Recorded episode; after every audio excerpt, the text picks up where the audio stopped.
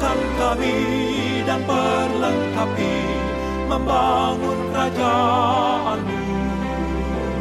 Agar tak goyah segala perjuangan meski badai keras mendung satukan kami dan perlengkapi hidup melayanimu. Berperang berjuang dengan hati teguh hidup demi kasihmu Kristus. Berperang berjuang dengan hati teguh. Hidup demi kasihmu Kristus. Hidup demi kasihmu Kristus. Warsa setang like this.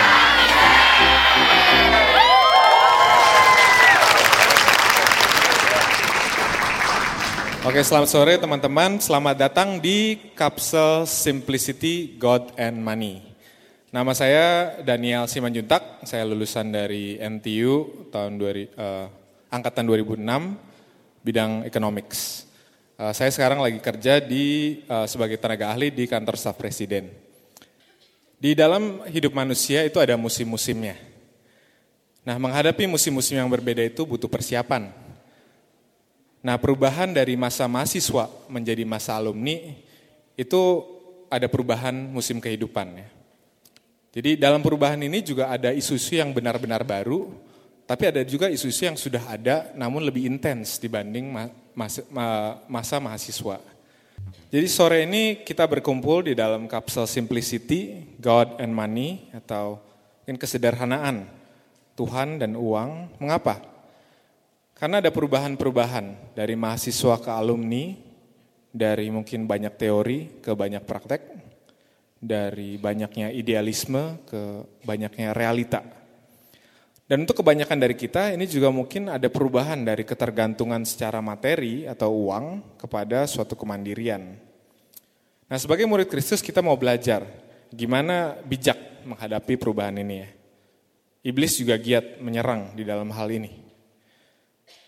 Uh, iblis tuh biasanya mau membuat kita menyelewengkan sikap kita dan pandangan kita terhadap uang, terhadap arti kemandirian itu apa. Gitu. Dan biasanya uh, terhadap uh, pengertian yang benar menurut firman Tuhan. Biasanya kita bisa mengekspresikan ini melalui kehidupan yang sederhana atau simplicity itu. Nah hari ini kita mau belajar tips-tips uh, dari dua narasumber kita tentang Tuhan dan uang atau dengan mungkin nanti pendapatan kita ya, kekayaan kita dengan suatu approach kesederhanaan hidup berdasarkan Alkitab. Nah, eh, mari saya undang ada dua narasumber pada sore hari ini. Yang pertama adalah eh, mungkin saya undang ke depan dulu Bang Niko dan Kak Tiwi ya. Silakan. Pak Nikolaus Daci ya, atau lebih akrab eh, dipanggilnya Bang Niko itu adalah Associate Staff Rekantas Jakarta lulusan MIPA UI ya, untuk yang belum tahu dan beliau sedang belajar di STT Reform Indonesia. Beliau pernah kerja di asuransi dan uh, dia juga berkiprah di pelayanan kampus dalam pelayanannya kepada Tuhan. Kak Pratiwi Febri Hutapea atau dipanggil lebih akrabnya dengan Kak Tiwi, itu uh, beliau adalah pengacara publik di LBH atau Lembaga Bantuan Hukum di Jakarta. Oke, mungkin saya mulai dari pertanyaan yang uh, saya siapkan. Dalam para mahasiswa ini menghadapi alumni, kira-kira tantangan utama apa yang dihadapi oleh alumni baru dalam hal uang?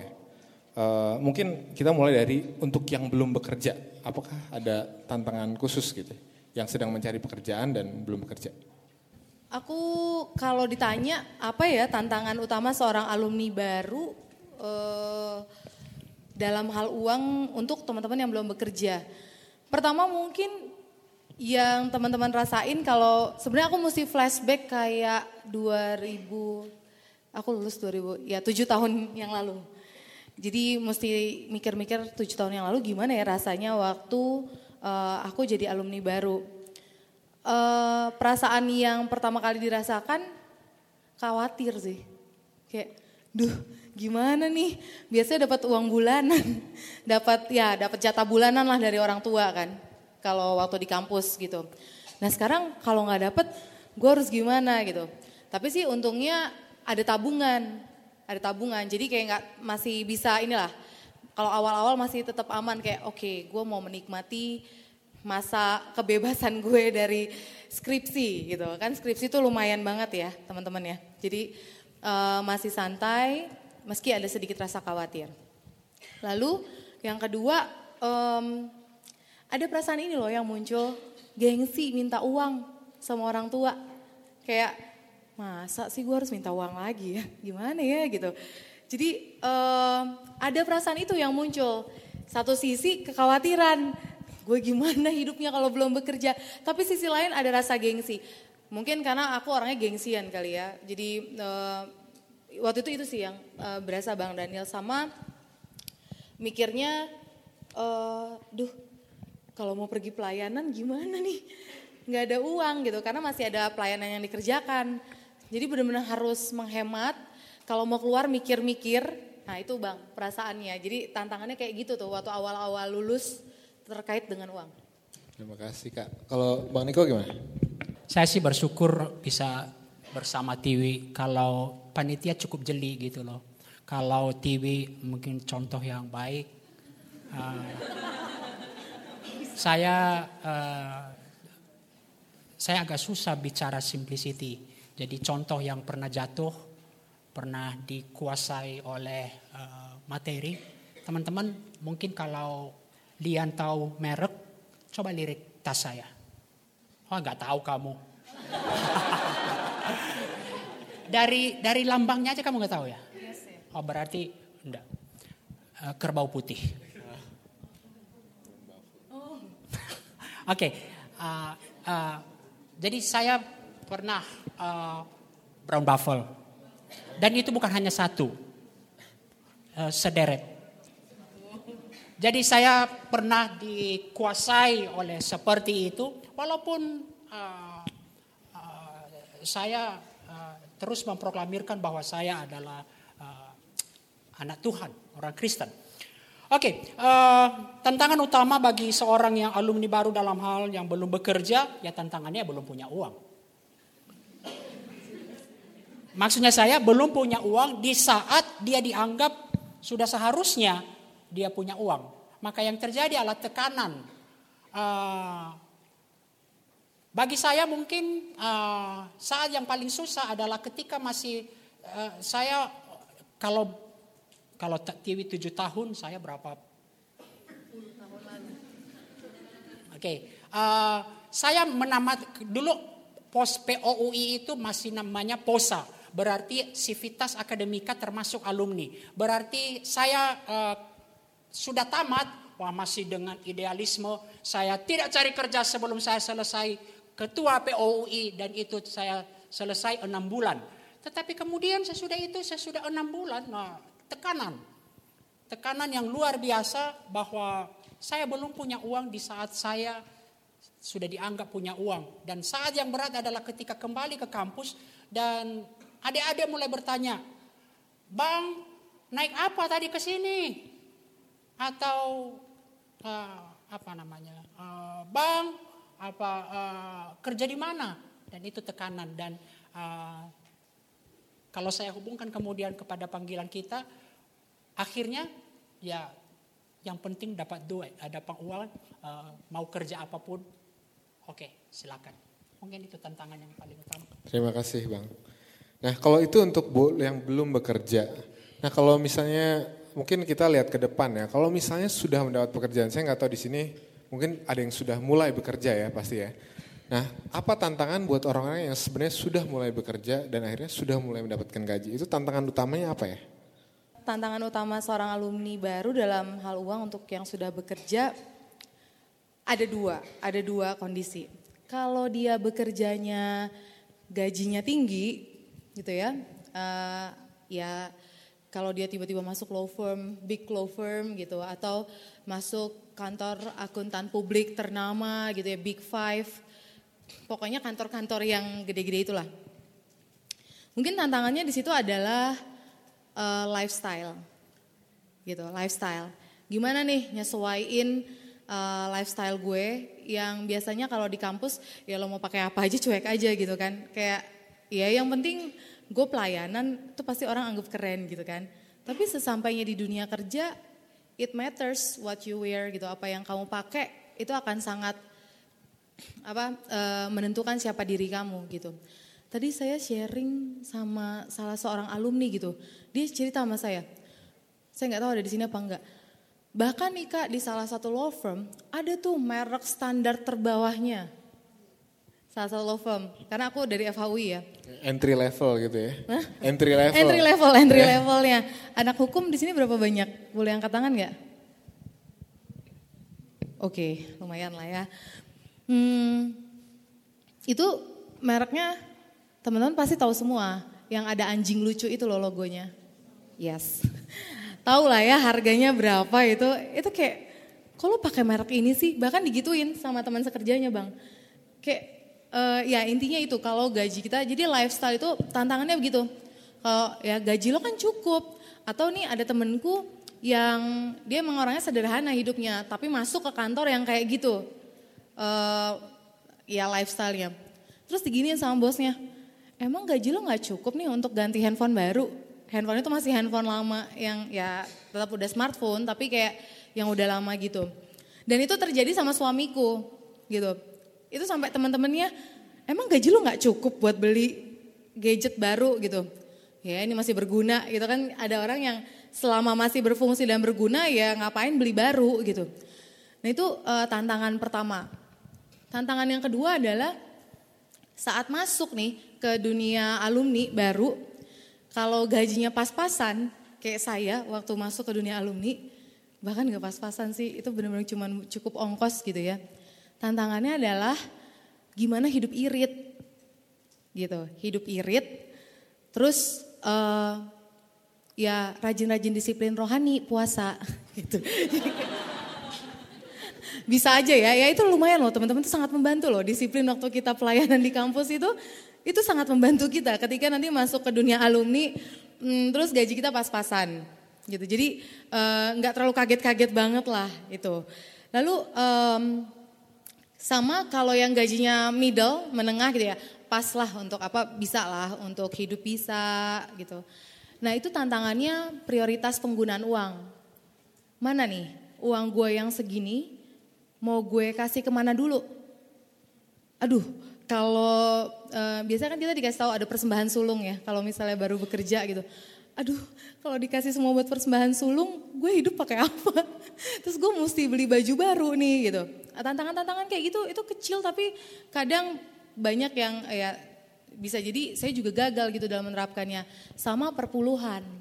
Nah itu, jadi ada eh, komitmen-komitmen uh, yang sudah kita diajarkan disiplin selama mahasiswa challenge-nya itu prioritas penggunaan uang bang. Gitu kalau udah bekerja. Belum lagi orang tua tuh. Mana setoran gak sih? kan ada orang tua mungkin yang memang butuh support kita ya. Butuh support, kayak kita tahu orang tua kita uh, kayaknya butuh support nih buat bayar listrik atau telepon gitu. Kadang kita jadi terbebani, gimana uang ini bisa dikelola untuk bisa uh, berguna bagi banyak orang gitu. Kadang adik juga ya, mungkin keluarga gitu mungkin yang perlu. Bang Niko? Oh, Oke, nambah Katiwi. Uh, kita di kampus uh, dalam hal uang ada banyak hal yang kita saleh, kita ini bukan karena kesalehan yang lahir dari dalam, tapi karena dibatasi oleh ketidakmampuan keuangan. Ya, emang gak punya bagaimana, uang gitu ya? Bagaimana mau dugem? Lawong makan aja tanggal 15 sulit. Nah begitu jadi alumni kayak lepas dari kandang. Jadi kemampuan keuangan langsung berubah. Mau mau sedikit, mau banyak langsung berubah. Sehingga itu menorong mendorong kita terjadi perubahan eh, perubahan gaya hidup. Dan yang kedua lingkungan yang berubah. Di, kita akan ditempatkan syukur-syukur teman-teman ada di uh, apalagi jadi staf perkantas yang mungkin memang gak berubah lingkungannya malah makin menurun. Tapi kalau teman-teman di ini pada umumnya teman-teman lingkungan berubah di mana indikator keberhasilan adalah penampilan dan apa yang kamu dapat, apa yang kamu pakai. Itulah indikator dan semua mengarah ke sana. Jadi saya ambil contoh teman-teman ada ada yang sharing kepada saya. Kadang-kadang bukan soal bahwa dia dulu di kampus menderita atau sebelumnya uh, sebelumnya dia sudah sudah punya uang, tapi kemampuan lingkungan itu begitu mempengaruhi. Saya satu sharing dengan salah satu alumni dan dia adalah uh, penilik. Masih penilik kampus. Berarti kalau penilik itu udah level penilik itu berarti biasanya mantan tim inti. Tim inti itu kalau di, P, di BMPMK itu kan level grade tertinggi itu ya. Udah dekat-dekat surga itu. Tapi ketika dia ini kemudian ke saya, teman-teman dia ngomong gini, saya masih ingat banget. Bang, saya sekarang uh, mulai cicil iPhone. Karena semua di kantor iPhone. Dengan alasan bisa berhubungan dan segala macam. Kemudian dan kami sedang ada di tempat retret dan dia bicara kepada saya. Bang, banyak dirohanikan kemudian. Saya sudah mulai memikirkan untuk mencicil mobil. Bukankah, lihat bang, kalau retret-retret seperti ini bisa dipakai mobil untuk angkut teman-teman. Lalu saya terus saya gali ke dia. Benarkah untuk retret, untuk pelayanan? Emang berapa kali sih retret setahun? Jadi lingkungan yang berubah dan kemudian kita dibentuk oleh lingkungan. Mungkin itu tantangan yang paling utama. Terima kasih. Nah selain uh, kita ngelihat ke lingkungan ya, ya selain mungkin tren lingkar pinggang yang makin besar ketika udah uh, apa mendapatkan pekerjaan, dapat gaji gitu, kira-kira tren budaya apa lagi yang sebenarnya perlu diwaspadai dari zaman now ini ya? Apa? Ya mungkin sekarang sini hitungannya millennials ya udah ya. Jadi apa tren budaya yang sekarang lagi hits yang harus kita waspadai gitu? Ingat kemarin sharingnya Kak Gaby ngomong kita seperti berada di apa suatu lorong di mana ada banyak pintu-pintu dan kita semua pikir itu semua kesempatan kepada kita. Nah, dalam bukunya uh, Kevin DeYoung, dalam bukunya Crazy Busy, walaupun itu bicara soal waktu, dunia yang termodernisasi ini katanya ada namanya ledakan kesempatan. Ledakan kesempatan dan ketika ledakan kesempatan kita pikir itu semua kesempatan untuk kita dan kita sikat semua, kita ambil semua dan hidup makin kompleks. Itu yang terjadi. Teman-teman, si bahkan si Richard Swenson dalam bukunya Margin ada saya bawa banyak buku-buku mengenai hal ini. Uh, dia mengatakan uang adalah rapor kehidupan. Sampai zaman now mengatakan begitu. Uang adalah rapor kehidupan. Mungkin saya pikir apa namanya ya? Ya zaman now semakin ludahkan kesempatan. Saya kasih contoh. Dulu kami lulus nggak pernah terpikir bicara iPhone, handphone, gadget memang nggak ada. Jadi ya sederhana. Sekarang nggak pernah terpikir soal pulsa, soal ini. Dan sekarang ketika kemudian makin modernnya, alumni lulus. Yang terpikir ada banyak kesempatan-kesempatan dan semua dia pikir kesempatan itu adalah untuk dia. Ada empat isme, gitu ya, ada empat isme yang saya catat. Ah, udah nggak apa-apa. Yang pertama eh, konsumerisme, gitu konsumerisme yang kedua materialisme, yang ketiga hedonisme, yang keempat eksistensialisme. Nah ini menurut saya sebenarnya masih banyak isme-isme lain, tapi menurut saya empat hal ini tuh yang kayak sekarang jadi wabah banget di anak muda zaman now. Kayak um, ya kalau lo nggak ikut ngumpul sama teman-teman, ya lo gimana sih? Uh, lo kerja mulu gitu. Ayo dong gabung sama kita gitu kita ke jalan-jalan ke Singapura yuk gitu. Itu masih awal-awal karena gajinya misalnya cukup gitu ya. Ayo kita jalan-jalan ke Singapura atau jalan-jalan ke Thailand gitu. Ini ada promo tiket murah gitu-gitu. Uh, teman-teman akan menghadapi seperti itu nanti di dunia alumni.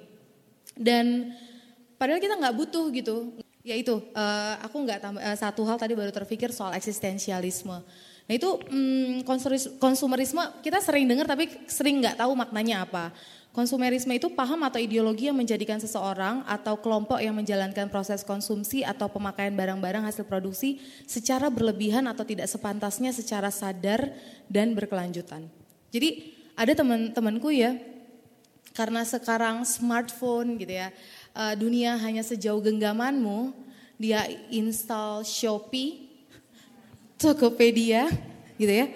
Giliran apa tuh yang apa flash sale itu gini sek sek sek gitu ya. Apa aja itu kayak apa ya? Uh, iya seru aja wi. Yang penting dapat apa aja. Lah lu nyari apa tadi gitu? Dia bahkan nggak mencari yang dia cari nggak ada Cuman um, ada sesuatu eksistensialisme aja ketika dia ikut-ikutan orang nge-shake nge-shake gitu-gitu. Nah itu uh, buatku ada yang keranjingan, ya kan gue cuma beli murah-murah doang loh, cuman kayak berapa puluh ribu, tapi tiap hari. Jadi tiap tiap hari ada paket yang datang ke kantornya untuk dia dari online shop gitu.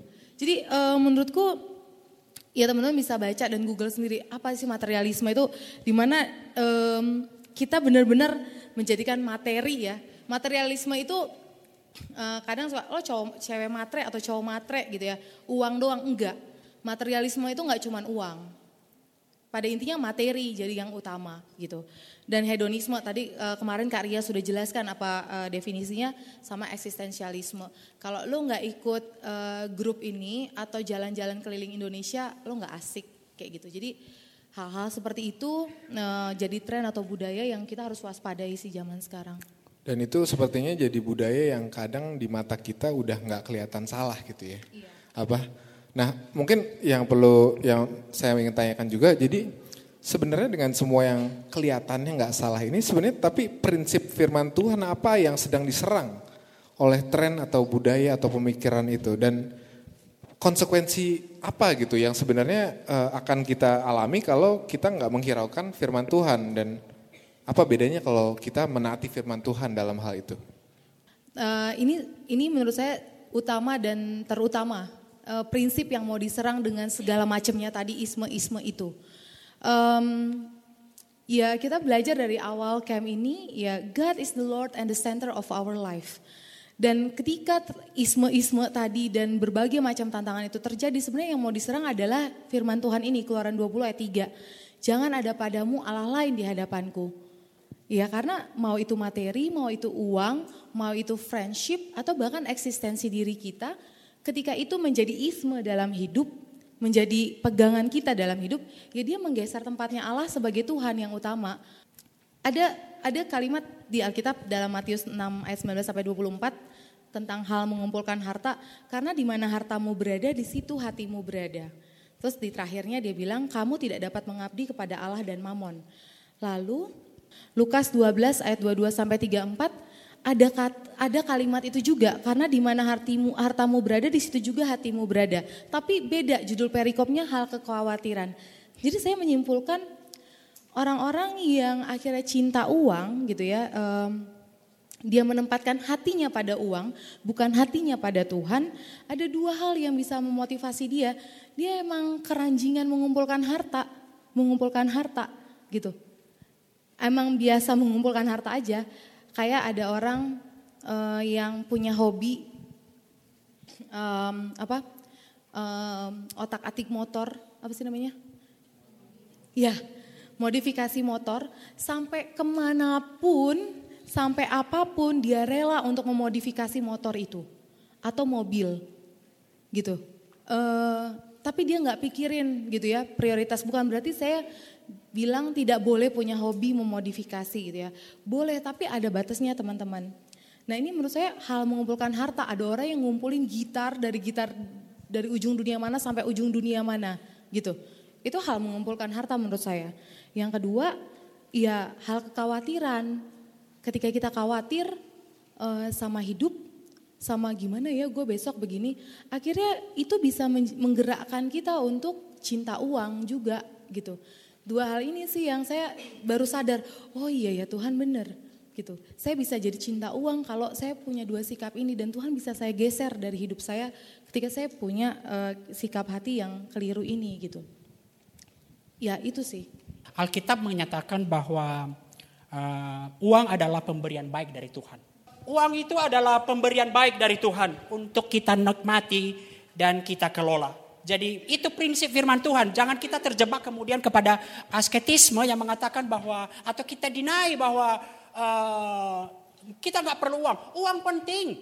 Amsal menyatakan kita bisa tersenyum, kita dapat bergairah karena uang. Tapi di mana yang diserang? Kita kemudian menjadikan uang segala-galanya. Itu masalahnya. Jadi uh, firman Tuhan secara jelas menyatakan kepada kita bahwa Uang penting, tapi bukan segala-galanya. Uang itu terbatas. Amsal 16 ayat 16 ada satu hal yang jauh lebih penting.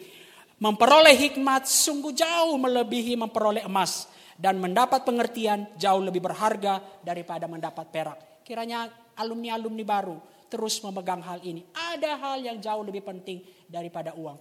Dan tadi saya katakan saya pernah jatuh dalam hal itu dan saya meyakini betul. Kalau tadi siapa Mas Oka ngomong, ada mungkin yang teman ngomong bahwa ya Bang Niko ngomong seperti itu karena pernah nikmatin. Tapi mungkin kamu nggak kuat, biar saya saja yang men pernah menjalaninya. Pengkhotbah 5 ayat 9 mengatakan, siapa mencintai uang, ia tidak akan puas dengan uang. Dan siapa mencintai kekayaan tidak akan puas dengan penghasilannya. Dan kita akan terus di ini dengan kehausan-kehausan dan kita tidak akan pernah puas. Richard Lamb menjadi murid Yesus di kehidupan nyata. Dia tulis begini. Jika hidup kita memiliki beragam pusat, yang dihasilkan adalah kompleksitas. Hidup kita makin kompleks. Kalau kehidupan kita Agak panjang saya dalam hal ini. Teman-teman, Israel dikecam habis-habisan oleh Allah bukan karena Israel, Israel tidak pernah meninggalkan Tuhan 100%. Tapi Israel dalam kehidupan umat Israel ada ilah-ilah lain selain Tuhan dan itu Tuhan kecam. Dalam buku itu ada dibuat satu satu satu gambaran.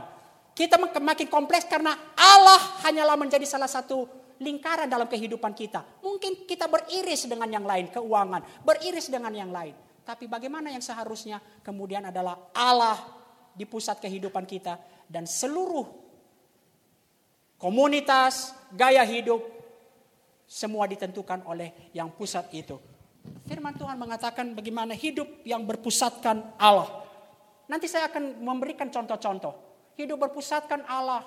Maka kita pencarian, prioritas dan nilai-nilai kita adalah kerajaan Allah.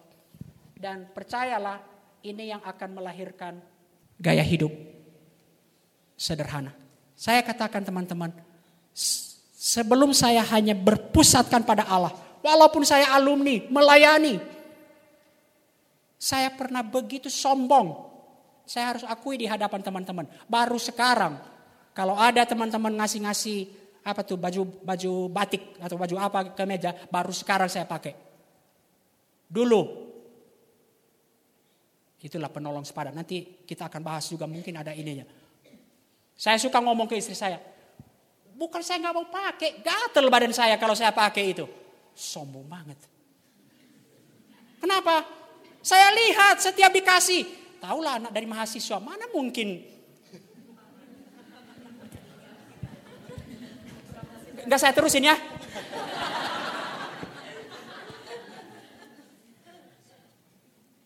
Ini apa ini mereknya? Dan benar saya ngomong. Gatel saya. Sekarang nyaman-nyaman aja tuh. Bagaimana itu? Ini teoritis, mungkin teman-teman bilang sekarang teoritis, tapi nanti saya akan tunjukkan bagaimana ini benar-benar memang inilah jalannya untuk simplicity. Thank you. Terima kasih. Nah, uh, mungkin saat ini saya mau buka kesempatan untuk jika ada yang pertanyaan-pertanyaan yang udah kepikiran gitu. Uh, namaku Ali dari Depok. Mau nanya, Pak. Ali dari Depok ya. Uh, mau nanya tapi ini nggak tahu ini pertanyaan yang bisa dijawab selanjutnya atau enggak. Tapi yang bertanya adalah sebenarnya uh, yang dimaksudkan simplicity itu apa sebenarnya? Apakah simplicity yang sebenarnya kehidupan kita yang sudah get contentment, yang udah puas gitu, atau memang orang yang uh, hidup memang sederhana yang sebenarnya juga masih memiliki hati uh, ingin mencari juga gitu. Maksudnya jadi bingung sendiri sebenarnya simplicity definisinya apa gitu.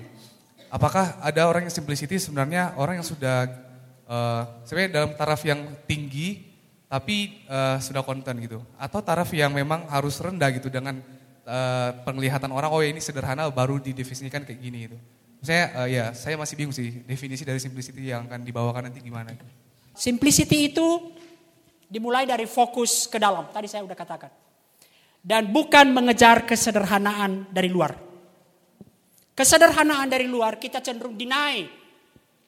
Hati kita akan berkata, Bohong kalau saya mengatakan saya nggak nyaman dengan mobil saya dahulu.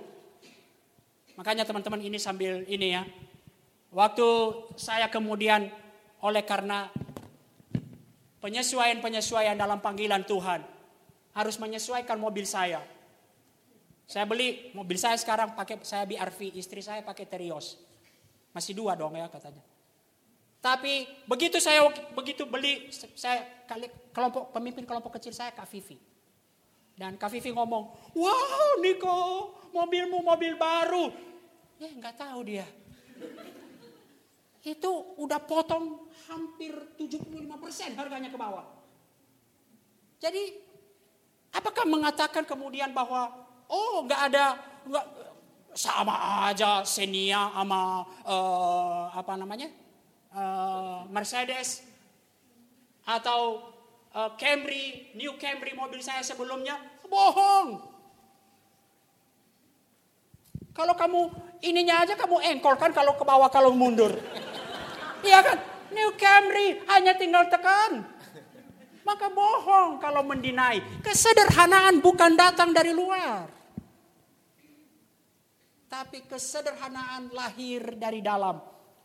Nah apa itu? Firman Tuhan mengatakan bahwa Filipi 4 ayat 11, kemudian Ibrani 13 ayat 5. Cukupkanlah dirimu dengan apa yang ada padamu. Seperti apa levelnya? Mari kita gumuli di hadapan Tuhan. Orang per orang saya nggak bisa berkata bahwa simplicity saya saya pakai ini. Mungkin kalau teman-teman bagi teman-teman, wah BRV juga masih lumayan bang. Atau naik mobil juga masih lumayan bang daripada semua abang lo masih masih associate staff udah pakai BRV daripada staff senior belum pakai apa-apa. Mungkin teman-teman bisa berkata seperti itu. Tapi simplicity itu lahir dari dalam. Mengelola kekayaan, mengelola uang itu secara bertanggung jawab di hadapan Tuhan.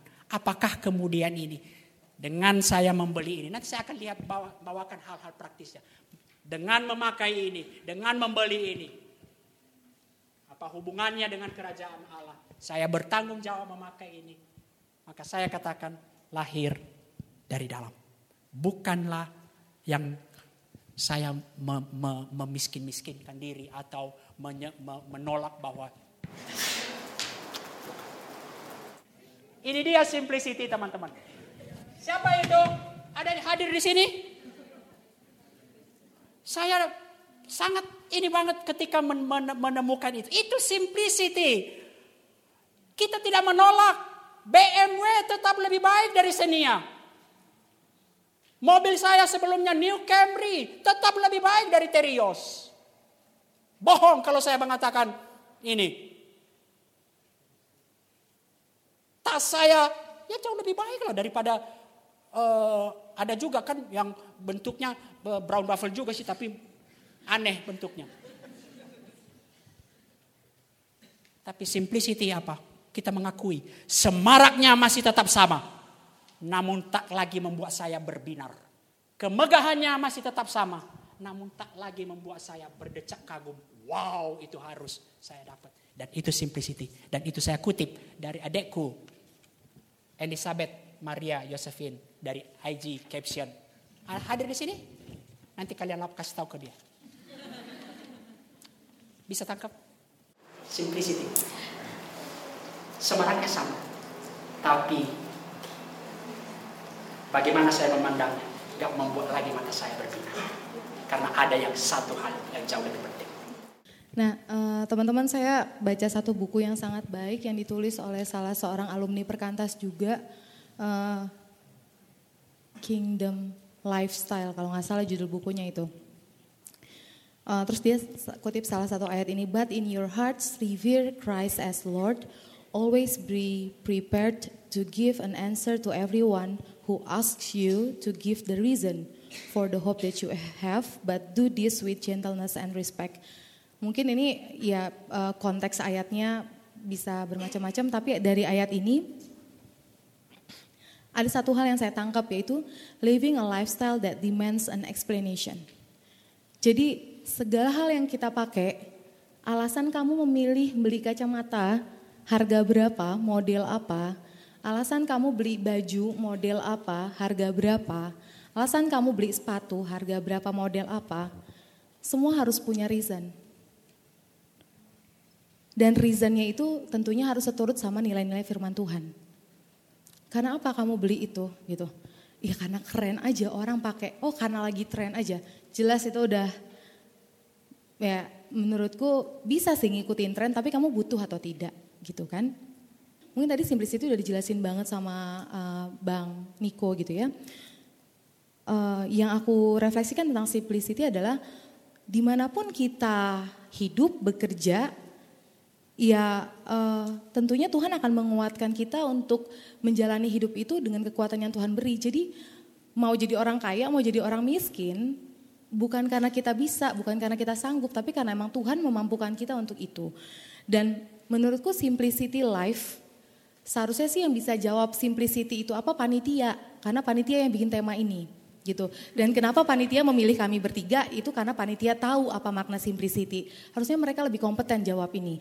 Nah, tapi menurut saya simplicity life ini will help others to see and know Jesus from your daily life. Jadi teman-teman jangan kira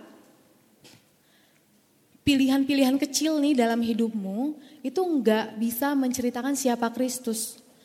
Saya sangat terinspirasi dengan khotbahnya uh, Kak Erik Sudarma. Kak Erik Sudarma ini hidup di pendeta Erik Sudarma. Dia hidup di kota kecil, di kota Kudus ya bang ya, kota Kudus. Dia punya mobil dan dia juga ya punya mobil gitu. Tapi dia memilih untuk naik sepeda ke mana pun dia pergi kalau dia pergi seorang diri. Ya alasannya soal ya uh,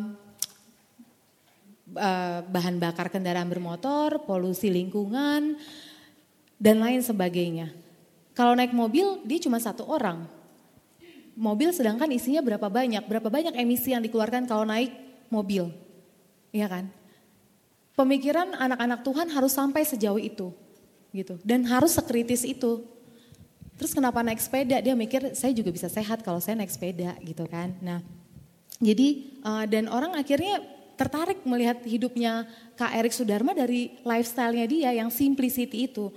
Dan satu hal dia bilang begini waktu itu di acara KTA apa di KPM juga ya, KPM tahun lalu kalau nggak salah. Dia bilang gini, simplicity dan keadilan itu bagaikan koin yang punya dua sisi kamu akan sulit melakukan keadilan, menyatakan keadilan Tuhan di dunia atau bersikap adil sama orang kalau kita nggak punya hidup, nggak punya lifestyle yang sim, simplicity, gitu.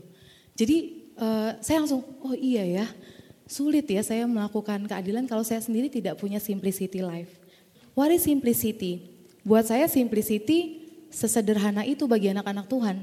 Simplicity ya kingdom's lifestyle. Ya Kayak Esther lah. Kita kan sering aku anak raja, engkau anak raja. Emang anak raja pernah kayak apa ya? Pengen makanan yang banyak banget karena dia tahu bapaknya bisa menyediakan apa pun. Dia punya semua di dunia ini, bapaknya menyediakan segala sesuatu yang dia butuhkan. Jadi kalau kata, kata tadi Bang Niko bilang kaget ya Bang ketika jadi alumni kayak Weh selama ini di uh, apa pelayanan hidup kita sangat terbatas kita jadi alumni punya uang semua yang mau dibeli langsung ganti handphone. Saya nih ya teman-teman nggak tahu apakah teman-teman akan terkena sindrom ini.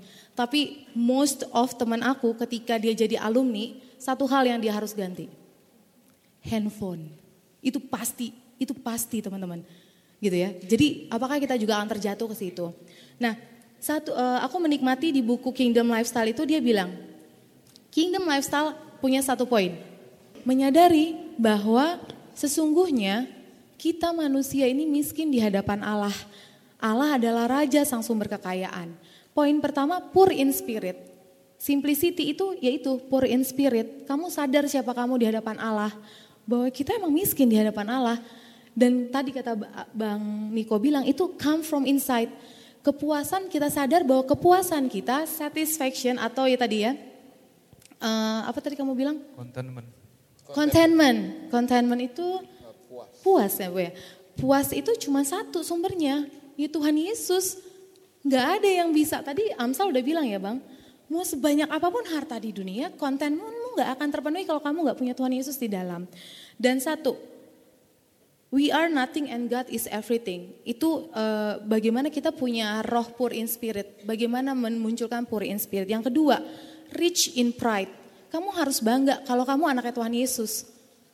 Jangan kamu, iya aku anak aku anaknya Tuhan Yesus gitu kayak apa ya? Merasa minority syndrome. Enggak, Gak boleh. Kamu punya rich in pride karena kamu adalah anak raja. Yang ketiga, kamu depends on God. Kebergantungan pada Allah. Tadi saya menikmati sharing Kak Ria, ya tapi panjang. Intinya benar-benar bergantung apa pun yang kamu butuhkan.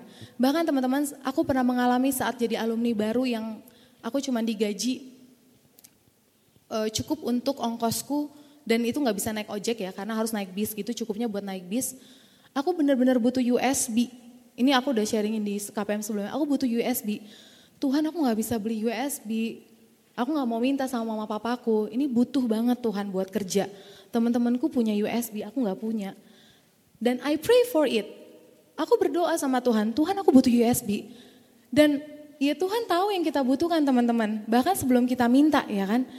Dan gimana caranya? Aku disuruh sama pimpinan kantorku ikut pelatihan.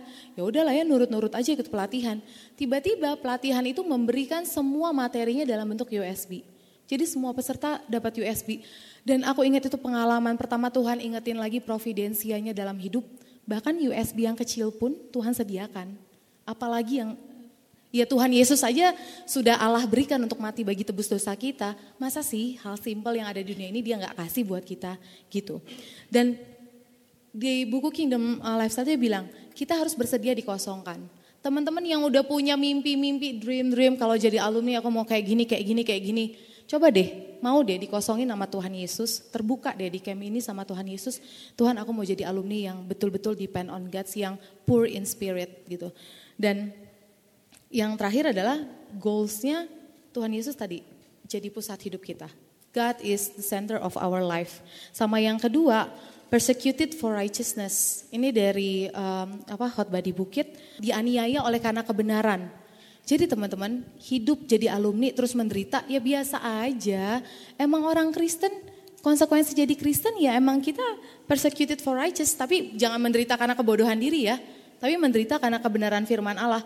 Kamu nggak ditemenin karena kamu nggak bisa nggak mau ikut-ikutan beli Starbucks, ya santai aja gitu. Kamu punya teman-teman KTB kok gitu. Jadi itu jadi penting gitu ya. Dan teraniaya oleh sebab kebenaran ada prasyaratnya. Teman-teman percaya deh, teman-teman nggak akan pernah merasa menderita kalau teman-teman nggak nggak pernah menaruh Tuhan sebagai yang utama dalam hidup. Karena ada prasyaratnya mengalami penderitaan itu. Tuhan harus jadi yang utama. Jadi kalau hidupmu saat jadi alumni merasa baik-baik aja, wah itu harusnya alarm langsung nyala. Ini ada yang salah nih kayaknya sama hidup gue. Nah simplicity kayak gitu. Sebenarnya ini sempat menjadi pertanyaan yang cukup sederhana untuk saya waktu saya masih mahasiswa, yaitu tentang persembahan sulung. Tapi kondisinya saat ini jadi jadi berubah. Sekarang kondisinya jadi berubah yang saya tanyakan. Uh, di satu sisi kita ingin taat sama firman Tuhan yang ngomong bahwa ya kita harus memberikan persembahan sulung kita. Nah, tapi di pengertian persembahan sulung ini saya juga belum clear karena saya juga belum mempeakan mengenai persembahan sulung. Uh, seperti ini, uh, kalau misalnya kita posisinya ketika kita sudah mendapatkan penghasilan yang pertama kalinya, tapi di situ kita nol keuangan. Nah, sementara kita ada kita kalau yang pengertian yang udah saya tangkap ya persembahan sulung itu hasil, buah pertama dari segala penghasilanmu. Nah gitu. Nah di situ posisi yang saya hadapi adalah kalau saya nurut dengan apa yang saya dapat ini, ya otomatis persembahan saya ini harus saya kasih ke Tuhan. Nah tapi teman saya memberi saran kalau itu kamu bodoh. Tuhan yang Tuhan mau itu bukan tanda kutip sekedar uangmu itu, tapi ya kamu kelola uangmu itu barulah nanti sisanya kamu kasih ke Tuhan. Nah saya ya jujur saya bingung sih untuk kedua hal ini kayak gitu. Soalnya ya saya kadang juga mikir, oh kalau gitu apa ya ntar kalau aku kasih semua masa aku nanti harus pinjam uang ke teman-teman kayak gitu. Pengen minta penjelasannya mengenai persembahan sulung berdasarkan uh, firman Tuhan itu seperti apa dan mungkin bisa sharing pengalaman juga waktu masih awal-awal. Terima kasih Kak. Lian dari Dewa ya. Persembahan sulung kemudian konteks perpuluhan di dalam perjanjian lama uh, Ketika kemudian kita masuk ke dalam perjanjian baru itu sebenarnya kemudian bukan hukum kaku bahwa kita uh, persepuluhan bahkan uh, kemudian dalam perjalanan hidup saya saya menggunakan perpuluhan itu sebagai suatu standar dalam persembahan saya saya bukan sedang memamerkan nih kemudian saya janji di hadapan Tuhan itulah standar terendah yang akan saya berikan kepada Tuhan. Dan kalau kita hitung-hitung sebenarnya konsep persepuluhan di dalam itu dalam Alkitab kita buku buku ada buku kecil Michael Griffiths uh, Take My Life sudah diterjemahkan ambillah aku melayani engkau itu sebenarnya kalau di jumlah-jumlah perjanjian lama sebenarnya nggak hanya 10% loh. Oke? Okay? Jadi 10% itulah menjadi ini kepada kita kemudian satu patokan kepada kita. Tapi dalam dalam kehidupan saya kemudian saya belajar untuk kemudian uh, nanti saya belajar untuk uh, mengevaluasi setiap tahun bersama keluarga bersama istri ketika sudah menikah seberapa yang memang dalam pergumulan kami kami akan berikan sebagai persembahan kami dan itu terus kami tingkatkan kami tingkatkan sampai saya benar-benar ter, ter ini dengan terinspirasi dengan buku itu memberi hingga terasa sakit. Bagi orang siapa yang terkaya memberi 10% kayak lepasin kayak ini aja. Tapi bagi orang lain mungkin 10% adalah hidup matinya dia. Jadi Tuhan saya pikir di persembahan dalam dalam dalam konteks kemudian perjanjian baru apa yang ada padamu berikan dengan kerelaan hati dan sukacita. Itu jawaban saya. Saya tidak secara khusus sedang eh, eh, saya jujur saya belum secara khusus mempeakan soal persembahan sulung. Nah kamu tanya kepada saya persembahan sulung saya saya tidak melakukan waktu waktu saya ini tapi saya berikan itu kemudian bukan dalam konteks persembahan sulung. Saya pikirkan di waktu saya terima gaji pertama, saya pikirkan apa yang saya bisa lakukan dengan dengan uh, dengan gaji pertama dan tidak menolong saya seperti euforia tadi, wow dapat gaji dan belanjakan sana sini. Saya belajar dengan dengan mungkin dengan ini, wow, ma, pa, inilah gaji pertama saya dan saya berikan sebagian untuk orang tua saya. Bagi saya itu pun adalah bagian dari persembahan sulung. Sebagian saya pikirkan untuk persembahan saya. Lah, saya sejak semester 3 sudah menghidupi diri sendiri. Dengan cara apa? Anak fisika, anak anak ini hidup dari apa? Les. Saya ngajar di mana-mana. Sampai di SMA Negeri 84 saya ada di Kalidres, saya naik getek. Itu saya ngajar. Saya menghidupi diri saya sendiri. Tapi ketika kemudian saya sampai masa itu saya nggak punya uang, ya saya makan persembahan itu. Eh maksudnya saya makan.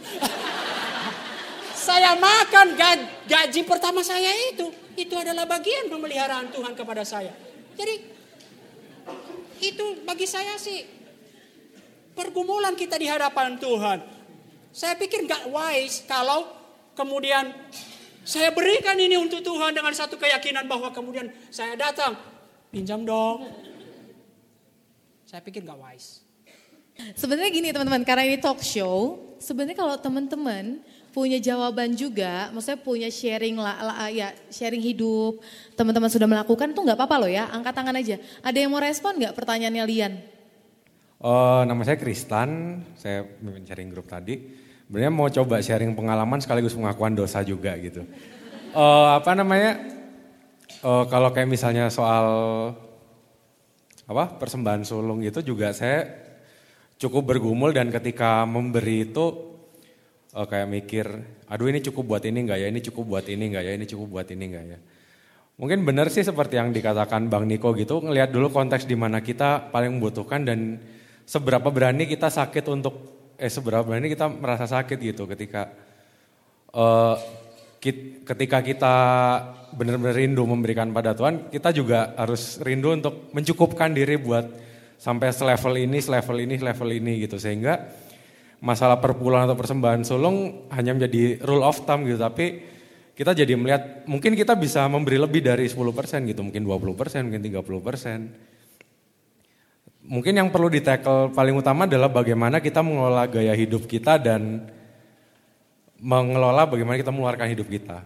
Nah bagian pengakuan dosanya adalah saya juga bergumul seperti yang disampaikan Bang Niko tadi. Bahwa memang benar kesederhanaan itu juga dari dalam bukan hanya dari luar gitu. Maksudnya ketika sekarang sudah bergaji gitu, oke okay, saya nggak beli barang, eh nggak beli barang untuk pamer misalnya handphone atau sepatu atau apa. Tapi saya bergumul dalam hal makanan dan minuman dan sebagainya gitu. Makanya itu yang disebut oleh Bang Daniel tadi sebagai sindrom lingkar pinggang yang membesar ketika sudah menjadi alumni gitu. Saya juga mengalami. Iya.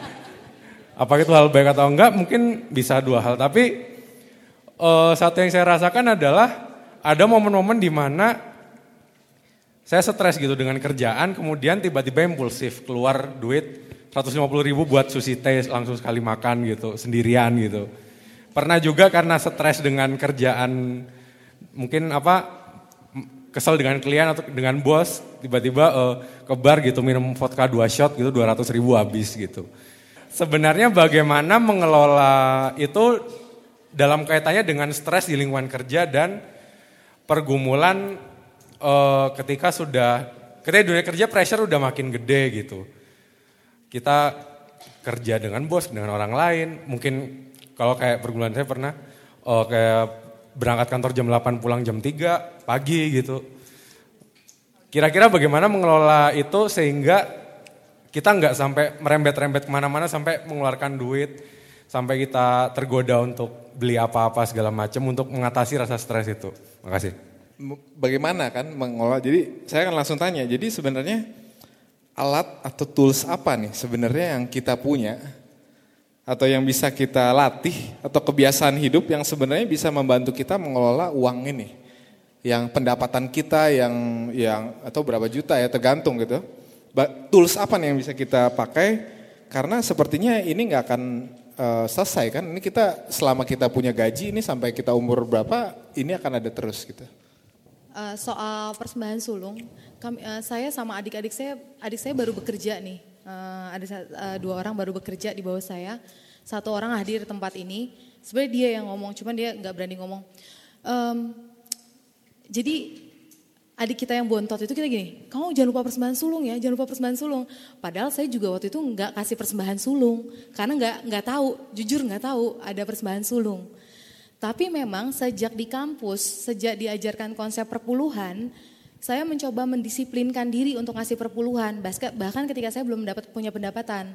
Jadi ketika orang tua kasih bulanan, saya akan sisihkan itu untuk perpuluhan saya, gitu. Jadi itu salah satu disiplin rohani yang saya lanjutkan bahkan sampai saya menikah. Meski waktu memilih pasangan hidup nanti itu ada ada diskusinya lagi nanti ya. Nah, Ya kan karena itu kebiasaan saya, belum tentu itu kebiasaan pasangan hidup saya. Nah, jadi uh, itu membantu sih disiplin rohani dari sejak mahasiswa sampai sekarang. Nah, akhirnya ini uh, sharing cerita perdebatan kami, diskusi kami dengan adik-adik itu bertiga. Adik saya yang tengah ini saranin ke adik saya yang cowok. Ya kan kalau aku konsepnya persembahan sulung kayak kamu bilang gitu, ya udah satu kasih gitu kan. Uh, kan kamu punya uang tabungan ya, hidup dari uang tabungan lah, aku gitu kan.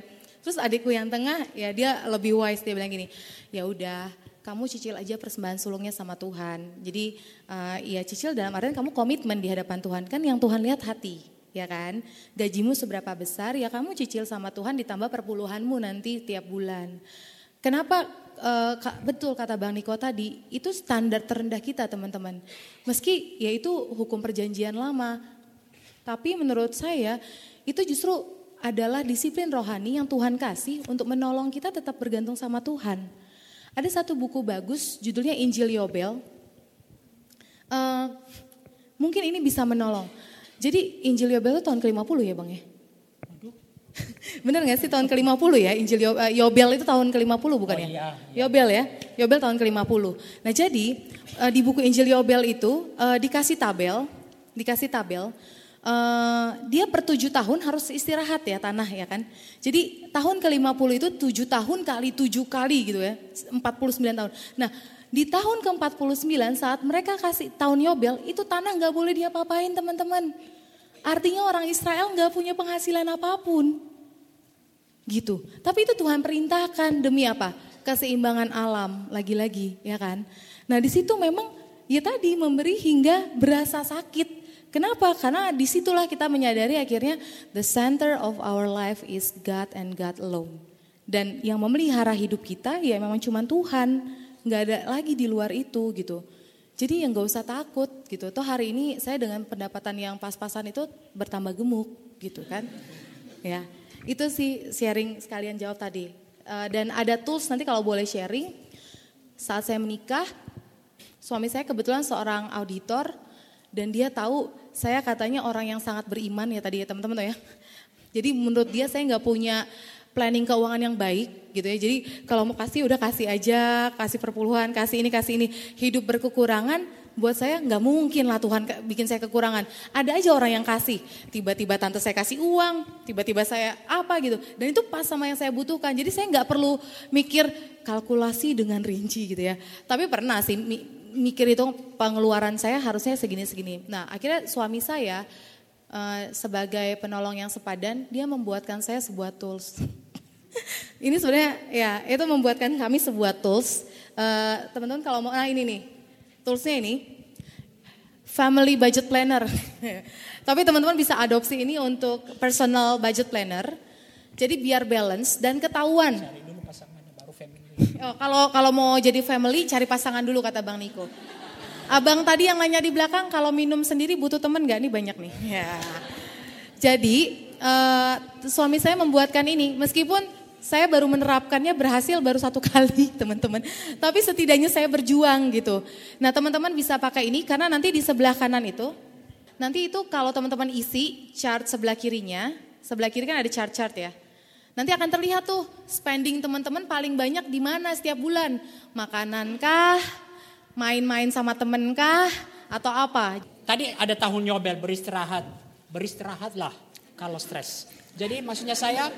Uh, Sabat ya. Beristirahat. Buku uh, ada di sana spiritually apa emotionally spiritually apa. Salah satunya adalah di bagian terakhir istirahat, dan bermain. Rekreasi itu adalah bagian dari istirahat. Tapi kadang-kadang games kita malah bikin kita capek.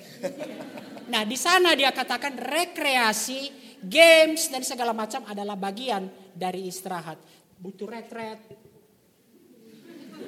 AWG, macam-macam yang kita membuat uh, ini. Kemudian di buku itu hampir semua buku teman-teman yang saya baca.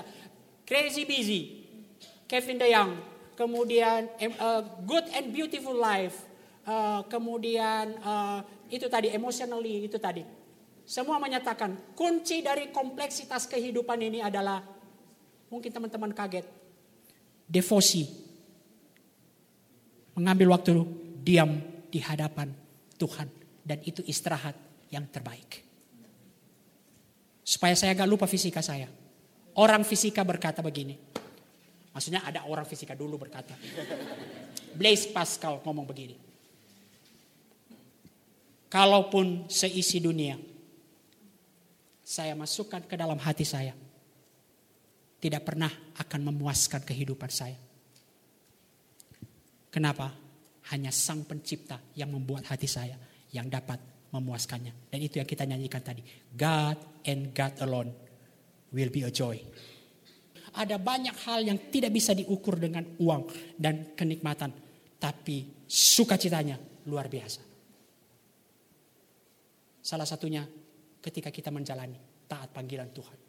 Ada empat aja di sini. Mendisiplin keinginan dan mendefinisikan kembali kebutuhan.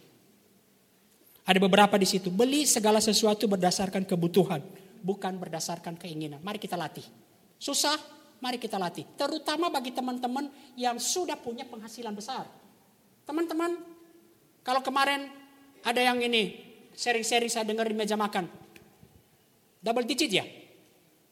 Ada yang baru masuk, double digit ya? Teman-teman saya mau katakan, saya tidak hanya double digit. Kalau saya hitung dividen saya, pernah berarti triple digit, digit ya kalau itu. Dalam sekejap saya pernah memegang kartu kredit dengan limit 250 juta. Artinya apa? Sekali gesek saya bisa beli mobil. Tapi itu mendera. Jangan membeli barang secara impulsif. Terutama kepada teman-temanku wanita ketika jalan ke mall. Eh bagus nih. Padahal ke mall bukan untuk itu. Mau mau jadi konselor KKRS. Tapi ketika nyampe di Casablanca, wow, bagus ini. Impulsif itu namanya. Beli sesuai rencana. Lawan keinginan dan segera berperang melawan ikan. Yang kedua, yang kedua teman-teman, hati-hati dengan utang. Amsal mengatakan orang kaya menguasai orang miskin. Yang berhutang menjadi budak dari yang menghutangi. Teman-teman sering kali kita senang dengan cicilan 0%. Bagus itu. Cicilan 0%. Tapi kamu coba hitung. Handphone kamu cicil 0%.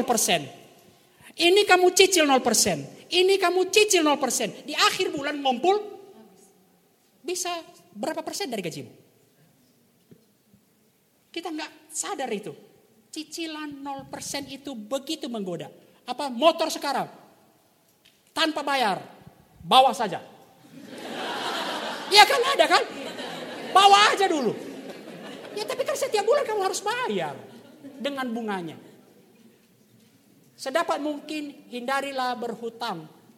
Kecuali untuk konteks Indonesia mungkin saya mau mengatakan berhutang hanyalah untuk hal-hal yang ini. Kalau saya punya prinsip berhutang hanya untuk rumah. Karena emang susah. Kita kumpul-kumpul, kita kumpul-kumpul, naik hal lagi harga rumah. Nggak pernah kita rumah. Kita akan jadi kontraktor terus. Nah ini dia, mari kita baca satu yang merah. Satu, dua, tiga. Kartu kredit adalah alat pembayaran, bukan cara untuk berhutang. Ingat ya, Teman-teman saya ini sudah berapa alumni PMK yang berguguran gara-gara kartu kredit. Sekarang sih udah lebih udah udah disederhanakan perhitungan bunga. Itu menggulung luar biasa. Kuncinya hiduplah dalam batas hasil tuhuyan Anda. Yang kedua, dua lagi, cepat. Richard Foster dalam bukunya Powers, Power, Money and Sex ngomong tidak ada cara lain yang lebih baik untuk disiplin dalam hal keuangan selain memberi giving. John Wesley ngomong, cari sebesar-besarnya, save sebesar-besarnya, tetapi beri sebesar-besarnya. Persembahan ungkapan syukur. Prinsip, tadi ada Silian ngomong, disisakan. Prinsipnya adalah sisihkan, bukan sisakan persembahan. Ada anomali persembahan, saya ini dikit. Anomali persembahan jangan pikir kalau kamu mungkin udah ini ya.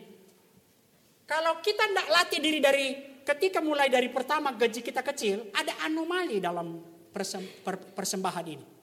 Kalau tadi standarnya 10%. Ketika gaji saya pertama, saya tahun 95 saya mulai kerja, gaji saya 750 ribu.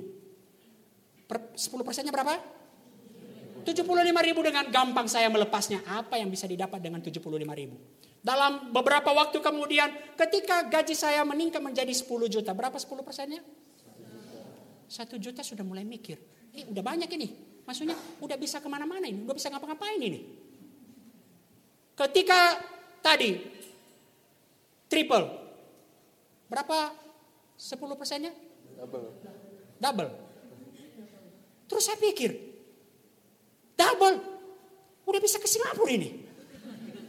Jadi jangan pikir teman-teman, makin besar gajimu, makin bermurah hati kamu.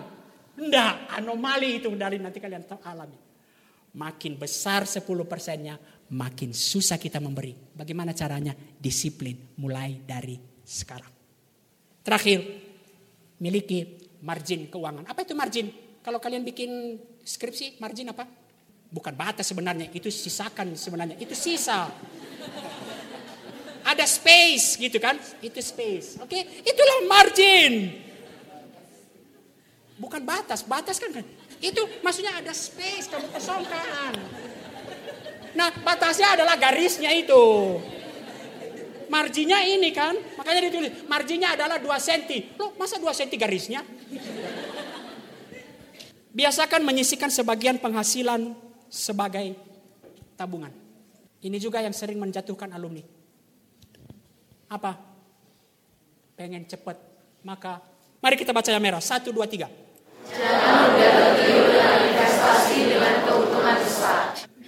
Apa prinsipnya kalau investasi? High risk, high return. High risk. Di mana? Jadi teman-teman jangan percaya kalau ini ini dalam sebulan balik seperti ini, dalam sebulan balik seperti ini. Saya nggak mau bicara Alkitab nih, praktis-praktis aja kita pikir ini. Jangan pernah percaya itu. Dan itu banyak menjatuhkan alumni. Menabung sikap bijak bukan karena khawatir. Itu tools-tools yang mungkin mari kita latih mulai dari sekarang. Uh, memberi itu tadi disiplin ya. Itu latihan kita mem, uh, istilahnya ya Tuhan juga bilang kan siap bareng siapa setia dalam hal-hal kecil, dia setia juga dalam hal besar ya. Jadi kita dilatih untuk uh, mem, nanti diberikan Tuhan yang tanggung jawab lebih besar lagi kalau kita setia dalam hal kecil. Nah mungkin uh, ini saya mau tanya satu lagi terakhir. Uh, ini kan uh, alumni berarti masuk ke pekerjaan. Saya asumsinya nih uh, mereka sudah bergumul dengan panggilan hidup ya. Tapi saya juga mau tanya apa kaitannya pandangan atau sikap kita atau kebiasaan kita tentang uang ada kaitannya nggak sih dengan nanti bagaimana memilih pasangan hidup? Jelas sangat-sangat berkaitan. Dan kamu baca buku di mana pun, nggak ada pernah bahas mengenai uang dalam hubungannya teman hidup. Hanya di KPM lah. Kamu coba baca buku. Di mana-mana nggak ada. Jelas sangat-sangat berkaitan. Saya nggak mau jawab, nanti Kati jawab. Tapi saya mau memberikan pengalaman hidup saya. Februari saya dalam masa posisi direktur saya mengikuti di Bali uh, conference broker insurance broker se Asia dan itu diadakan di salah satu mungkin top 5 uh, uh, uh, hotel di Hotel Mulia and Resort di Nusa Dua Bali. Konferensinya diadakan di situ. Saya mau menggambarkan bagaimana ininya. Konferensinya diadakan di situ. Tetapi sebagian besar peserta tidak mau tinggal di situ. Kenapa? Mahal. Tetapi kami tinggal di situ. Dan kira-kira kalau nggak salah pada waktu itu kalau di kurs kamar termurah itu adalah sekitar 5 jutaan. Dan saya direktur, nggak mungkin ditempatkan di kamar termurah. Teman-teman saya dapat kamar. Yang kamar mandinya itu bisa untuk retret pengurus. Serius, tiga bed, tiga jenis bathtubnya. Ada yang beta biasa, ada yang kayak kolam bulat. Saya nggak tahu itu apa itu. Apakah kaki dimasukin ke dalam? Ada yang kayak bulat, kayak hati. Saya juga bingung. Dan ruangan-ruangannya, saya pikir gimana ya? Bagaimana caranya saya menikmati tidur sana, tidur di sini? Teman-teman, apa klosetnya itu ya? Saya kan dari kampung nih ya. Baru kita mulai masuk, dia udah set buka sendiri dia. Dan kemudian ketika kita duduk anget. Dan saya kasih tahu itu semua ke ke biasa saya videoin itu untuk penasa, biar penasaran istri saya. Semua saya ini. Nah malam itu kemudian konferensi itu adalah Selasa sampai Kamis. Kemudian di Kamis pagi komisaris saya ngomong Pak Niko mungkin untuk sebagai uh, reward Pak Niko boleh kamu lanjut extend kamu tinggal di Bali di hotel yang sama sampai hari Minggu dan bisa bawa keluarga datang ke Bali. Walaupun itu di extend dalam konteks libur, tetap jalan. Apa uang saku sebagai direktur. Itu kira-kira gambarannya. Lalu saya dengan bangga dan telepon, saya telepon istri saya. Ayo ke sini. Semua ditanggung bla bla bla bla bla saya cerita. Terus istri saya ngomong begini. Bukankah besok, aduh, ada pelayananmu di FIK? FIK UI itu saya gak lupa-lupa itu.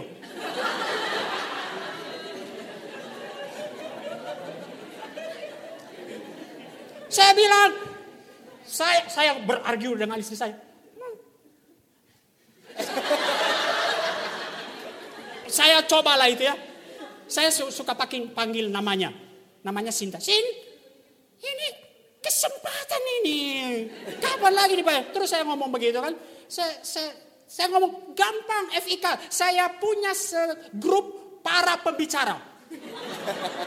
Dan dalam saya suka menggantikan mereka. Dan dalam sehari ini saya akan cari pengganti saya ke FIK. Dan istri saya berkata, enggak pulang.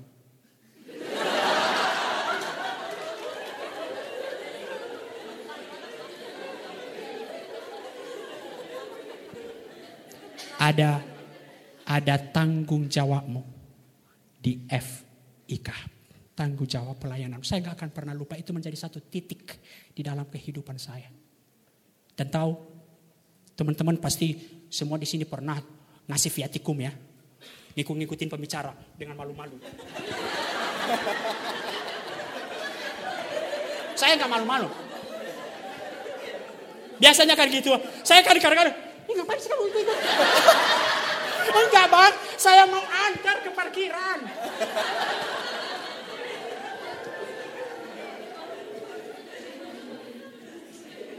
Tahu saya dapat berapa di EFIK?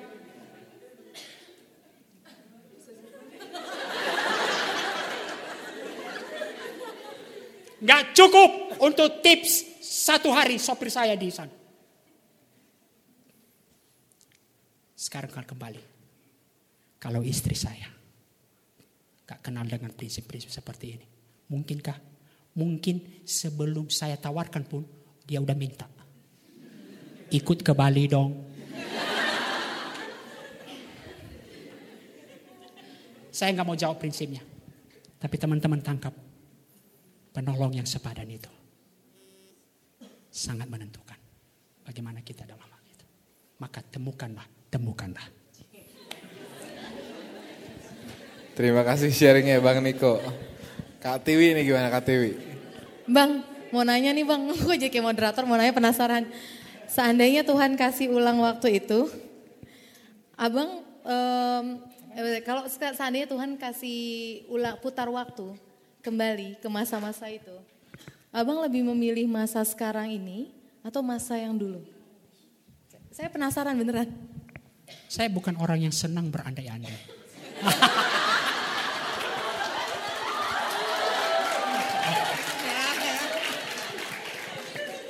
Tetapi saya mau ngomong, kan tadi pasangan hidup, istri saya teruji dalam hal itu. Saya tadi dengan gaji seperti itu, saya bukan gaji sih, itu saya udah bagi dividen dan segala macam. Kalau saya bagi sekitar seperti itu. Teman-teman, dia terus dalam kesederhanaannya. Dan itu yang menolong saya, yang liar ini. Liar banget. Tapi itu menolong saya. Makanya saya bilang, sangat-sangat berkaitan. Bayangkan kalau istri saya tidak seperti itu. Tapi Tuhan gantikan ketika saya sampai di FIK, saya dengan sukacita dan seperti biasa pulang dari FIK saya nggak nggak nggak nggak nggak rencanakan saya bisa ketemu dengan para pengurus harian pada waktu itu dan memang keluar lagi sih uang. Saya ajak mereka ke Mang Engking Depok. Tapi itu tadi ada joy, sukacita yang luar biasa. Mata dengan melihat mata mahasiswa sharing kepada mereka ada sukacita yang luar biasa Tuhan gantikan seperti itu. Ya pasangan hidup adalah penolong yang sepadan, ya kan? Seperti saya tadi, sayanya yang ya tidak punya planning baik dalam uh, perencanaan keuangan, terus uh, suami saya orang ekonomi yang sangat, ini bukan berarti teman-teman yang bukan ekonomi harus cari pasangan orang ekonomi ya, enggak enggak. Um, apa dia memang punya disiplin untuk menabung, untuk uh, ya dia punya disiplin untuk mengatur uh, penghasilannya. Jadi ya penting kenapa? Karena pasangan adalah penolong yang sepadan buat kita gitu ya. Kalau kamu orangnya rada-rada uh, ya boros gitu ya, carilah orang yang carilah lihat-lihat nih orang yang emang rada-rada uh, agak kok berantakan banget nih orang gitu ya. Mungkin dia nggak terlalu self care, irit, irit ya, ya, irit, irit. Uh, ya mungkin bisa begitu gitu. Jadi salah satu kriteria. Nah yang kedua adalah teman-teman pernah nonton film Shrek nggak? Pernah dong ya nonton film Shrek? Apa yang terjadi sama si Ratu Fiona ketika dia nikah sama Shrek? Itulah kenapa saya bilang film Shrek sangat alkitabiah. Kenapa? Karena memang pada akhirnya kita akan jadi serupa dengan pasangan kita karena kita jadi satu tubuh. Mau nggak mau kebiasaan pasangan itu akan kita akan jadi apa ya? Jadi serupa dalam banyak hal dengan pasangan. Jadi kalau pasanganmu tidak takut akan Tuhan, tidak mengerti bagaimana uh, tidak mengerti bahwa Tuhan yang utama dan materi atau uang adalah hal kesekian yang harusnya dipakai untuk melayani Tuhan, duh kamu akan menderita deh hidupmu, percayalah teman-teman. Meskipun nih ya, dia sangat rohani, Tuhan Yesus yang terutama dan tapi lifestyle-nya ya kayak lifestyle-nya apa ya? Ya penggunaan uangnya ayo makan di mana aja kamu ditraktir terus di tempat-tempat yang mahal misalnya. Ini saya cerita aja sharing ya. Salah satu uh, hal yang buat saya ragu dulu untuk men, uh, menjawab iya jadi pacar suami saya sekarang adalah menurut saya aduh nih orang kayaknya branded banget nih. Apa-apa ngomonginnya ini, apa-apa ngomonginnya ini. Dan itu saya bilang ke dia. Kayaknya kita sulit deh kalau kita mau jalan bareng karena kamu kalau ngajak makan saya ke tempat-tempat yang saya emang nggak pernah ke tempat itu. Dan saya karena sudah biasa, karena tadi ya bang, keterbatasan, nggak nyaman juga kayak spend uang untuk makan yang sangat gimana gitu. Itu buat saya ragu, aduh nih orang gimana ya. Dengan saya yang punya prinsip keuangan ya kayak gitu. Terus saya, saya ajak ngobrol, akhirnya saya ngomong sama dia, kita susah nih kayaknya kamu lifestyle-nya tuh kayak di dia kerja di kantor akuntan publik gitu ya, yang memang tadi itu lifestyle dan segala macam. Tapi dia dibandingin teman-temannya ternyata dia yang paling buruk gitu. yang handphonenya nggak ganti-ganti itu tadi. Uh, uh, terus saya bilang gitu, iya saya nggak bisa nih kayaknya sama kamu, susah. Gimana nanti kalau udah jadi suami istri gitu. Terus dia kasih saya hadiah-hadiah yang buat saya hampir saya mau balikin teman-teman tas yang harganya sekian, jam yang harganya sekian, yang merek-merek gitu. Saya mau balikin tapi dimarahin sama mama saya. Pak Mali kamu orang yang ngasih, itu masih pacaran. Saya mikir gini, gila kalau gue nggak jadi sama dia nih, diminta balik gak sama dia gitu kan. Buat saya itu minus point buat uh, pacar saya waktu itu. Dan saya ngomong sama dia, lain kali kalau kamu mau beliin sesuatu sama saya, tanya sama saya. Karena apa yang kamu suka belum tentu yang saya suka gitu. Dan buat saya ini tas bukan kebutuhan saya gitu. Jadi tapi intinya ya itu proses pacaran kan bukan proses untuk uh, apa ya, oh nggak cocok putus gitu, enggak ya. Tapi sama-sama beradaptasi dan belajar satu sama lain. Dan puji Tuhan, suami saya akhirnya belajar tentang hal itu. Dan sayanya juga nih, jujur aja, pas udah nikah, hal itu mau dipraktekin sama suami saya, ngasih hadiah ulang tahun. Saya kebawa loh, kebawa dalam artian, oh iya ya tas yang ini bagus. Kita masuk ke salah satu toko yang bermerek itu, yang tasnya saya tolak dulu itu. Kita masuk, tas ini bagus sih sayang. Ah enggak lah nanti aja ya gitu. Nanti aja, nanti aja mungkin ada yang lebih bagus. Mikirnya udah gitu, berubah nih mindset saya. Sampai akhirnya dalam sebuah waktu diam bersama Allah dan lain sebagainya, dalam waktu diam bersama Allah tentunya, saya kembali merenung. Emang saya butuh ya tas itu? Iya sih, saya butuh tas kecil, tapi apa iya harus semahal itu gitu?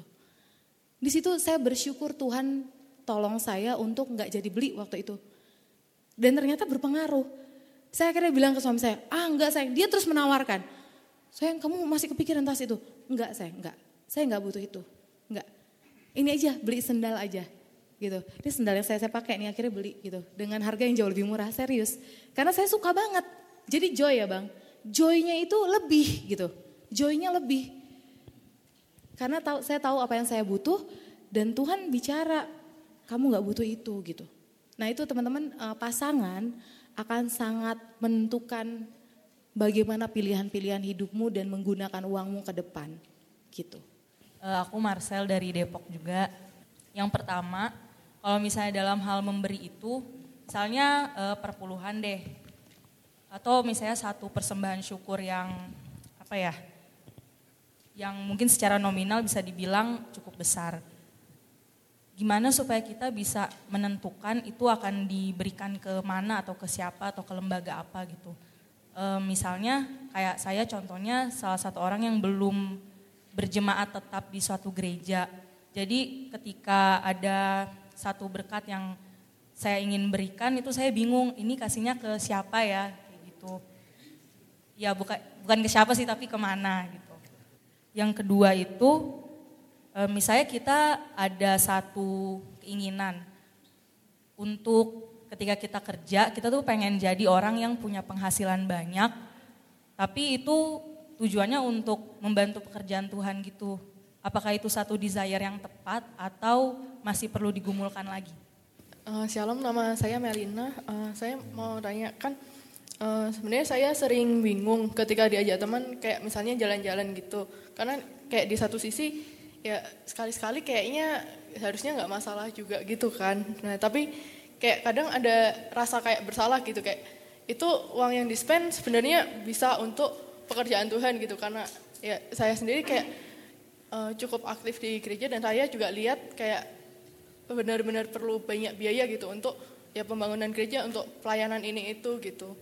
Nah, terus uh, sebenarnya bolehkah kita menggunakan sebagian uang untuk kesenangan pribadi yang mungkin tidak esensial atau kayak yang mungkin sesekali atau dibatasi per bulan atau memang tidak boleh sama sekali gitu.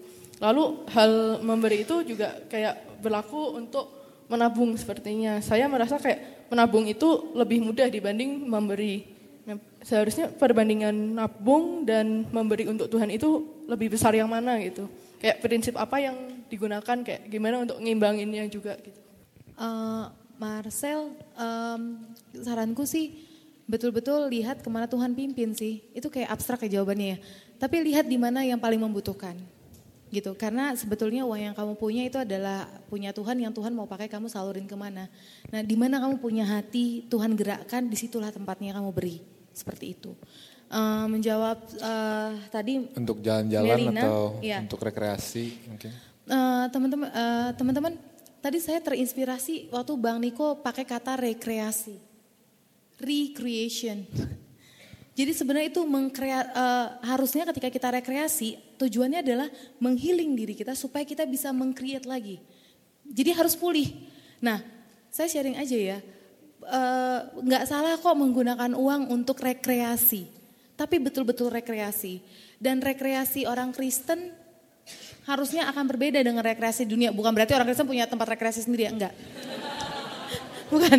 Retret Retret tuh kan. Iya. Tapi coba kenali, Tuhan kan ciptakan setiap pribadi ini unik nih ya. Di mana, di mana Tuhan bikin kamu itu lebih seger lagi. Apakah beli buku, terus kamu diam di suatu tempat dan membaca, Atau kamu jalan bersama teman-teman dan kamu menikmati persekutuan dan kasih Kristus dengan bersama teman-teman? Atau kamu menikmati alam?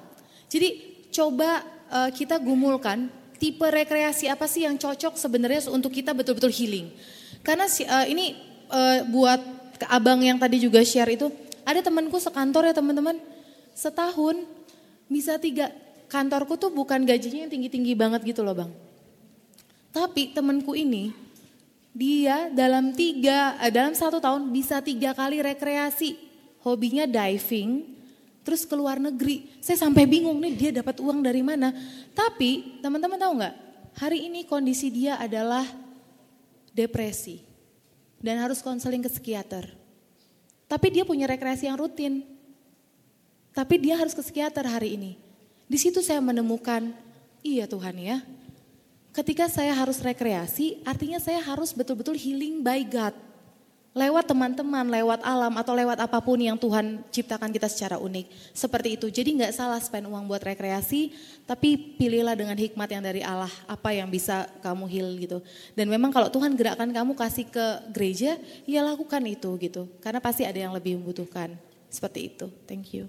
Tadi saya sampaikan bahwa uang itu adalah baik, pemberian baik dari Allah untuk kita kelola dan kita nikmati. Jadi menikmati uang yang pemberian Tuhan gak salah. Tetapi dengan satu pergumulan tujuan di hadapan Tuhan. Jadi saya sering uh, uh, ngajak anak-anak, ayo makan keluar. Hanya bedanya kalau dulu saya tantang mereka, mau makan di mana kalian? Kalau sekarang kayaknya bagus di sana kita makan. Nah jadi sama tercapai gitu loh untuk bahwa kita makan keluar. Gak salah. Tapi kita gunakan bertanggung jawab di hadapan Tuhan. Oke. Okay? Dan kalau ada kebutuhan-kebutuhan itu, dia pergumulan kita yang menentukan apakah kemudian uh, saya man, yang mana yang saya dahulukan. Jadi uh, gunakan uang untuk uh, rekreasi, nikmati secara bertanggung jawab di hadapan Tuhan dan enjoy. Saya Marcel, kalau ada sekali lagi ingat saya ya, kontak Bang mau saya kasih ke mana nih? ada beberapa indikasi. Yang pertama, uh, konteks kita, di mana kita berada, biasanya di sanalah Tuhan memanggil kita. Oke, jadi kalau kami dulu, atau saya sharing lah, kalau kami dulu kami menentukan pemanya jumlah satu persembahan kami, kemudian kami doakan di hadapan Tuhan, kemudian kami Eh, membuat satu alokasi. Yang pertama adalah di mana saya ada, di situlah saya memberikan persembahan saya. Jadi saya sekarang pelayanan di Perkantas, maka saya berikan pelayanan uh, sebagian dari persembahan saya. Saya nggak menyebutkan perpuluhan. Sebagian dari persembahan saya untuk Perkantas. Saya ada di gereja ini, saya berikan sebagian untuk itu. Kemudian saya berikan, saya alokasikan uh, persembahan saya kami kami kami apa namanya kami uh, pooling dalam satu satu satu rekening persembahan yang kami sebut persembahan uh, mana tahu ada yang Tuhan uh, uh, yang membutuhkan. Jadi kami terus kemudian reguler mendoakan. Jadi secara umum kami bagi tiga. Kami doakan di hadapan Tuhan pada waktu itu uh, siapa uh, Tuhan tunjukkan kepada kami uh, ke mana ini kami harus berikan. Dan itu ada-ada saja. Teman-teman, saya alumni muda, kami telah memberikan beasiswa kepada salah satu mahasiswa dari Universitas Bengkulu. Itu mahasiswa muda loh.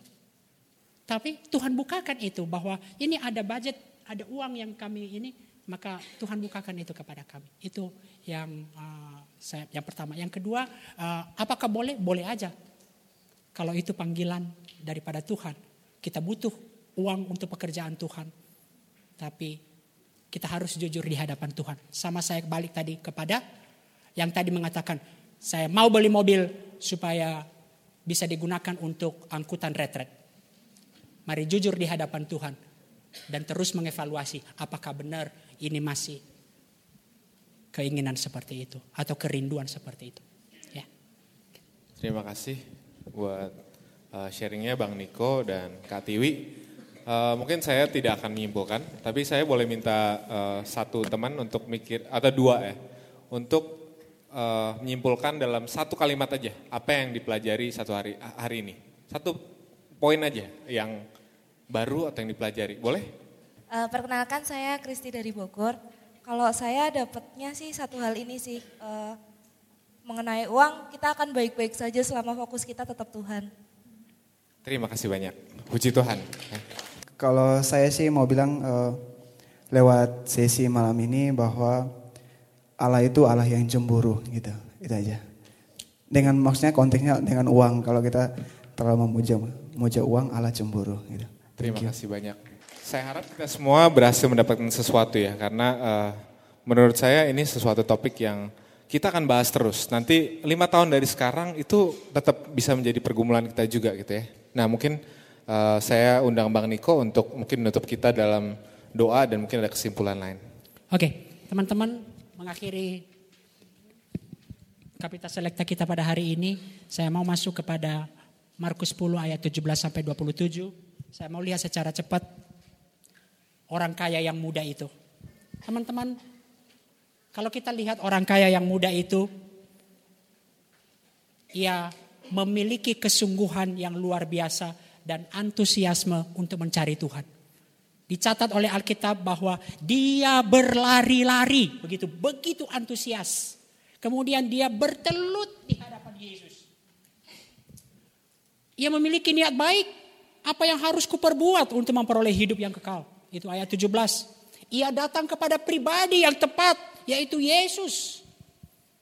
Tapi akhir dari cerita itu adalah gagal. Kenapa? Ayat 21, Yesus memandang dia dan menaruh kasih kepadanya lalu berkata kepadanya, hanya satu lagi kekuranganmu. Pergilah, jualah apa yang kau miliki dan berikanlah itu kepada orang miskin. Maka engkau akan beroleh harta di sorga, kemudian datanglah kemari dan ikutlah aku. Dan ayat 22 dicatat begini. Mendengar perkataan itu, ia menjadi kecewa, lalu pergi dengan sedih. Loh, kok kecewa? Dia dengan antusias berlari-lari, bertelut di hadapan pribadi yang tepat itu. Kenapa sedih? Kenapa kecewa? Firman Tuhan mencatat karena banyak hartanya. Uang, harta mempunyai potensi yang begitu besar untuk merebut hati kita dari Allah. Sekalipun kita mempunyai keinginan kuat untuk mencari Allah. Kiranya ini menjadi satu pergumulan terus kita di dalam kehidupan alumni. Tidak hanya pengal alumni muda. Saya, alumni yang ini, terus menjadi pergumulan. Sekalipun kita mencari Allah. Maka katakan ke kiri kananmu. Waspadalah. Waspadalah. Sebelum kita tutup dalam doa, mari kita baca ini. Satu, dua, tiga.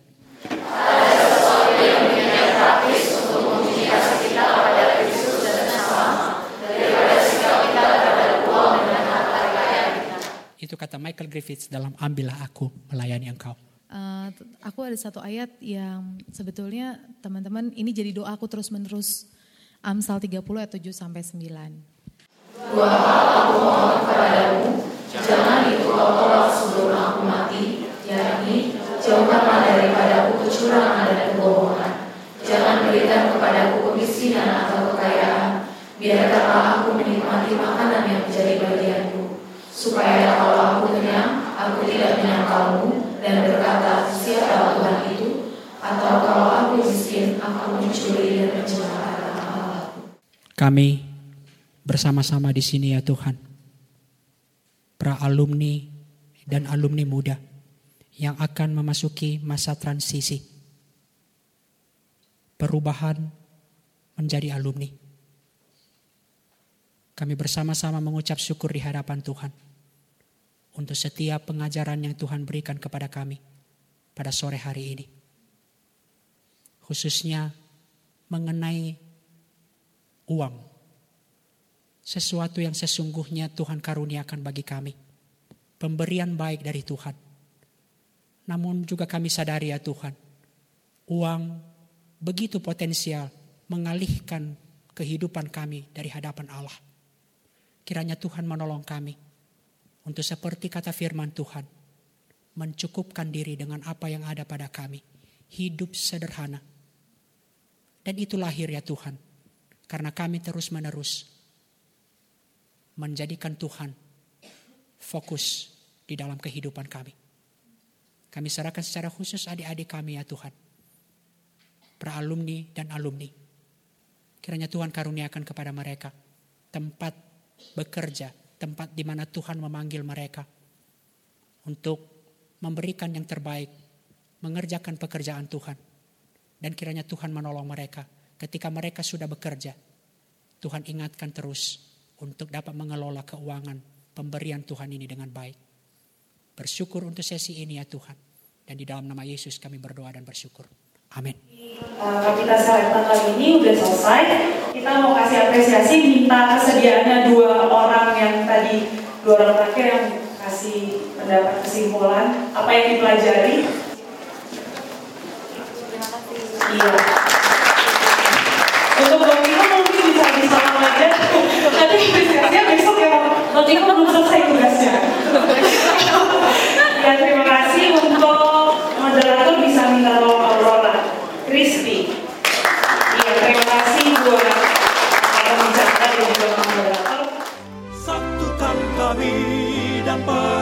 perlengkapi membangun kerajaan. Barca setang lagi.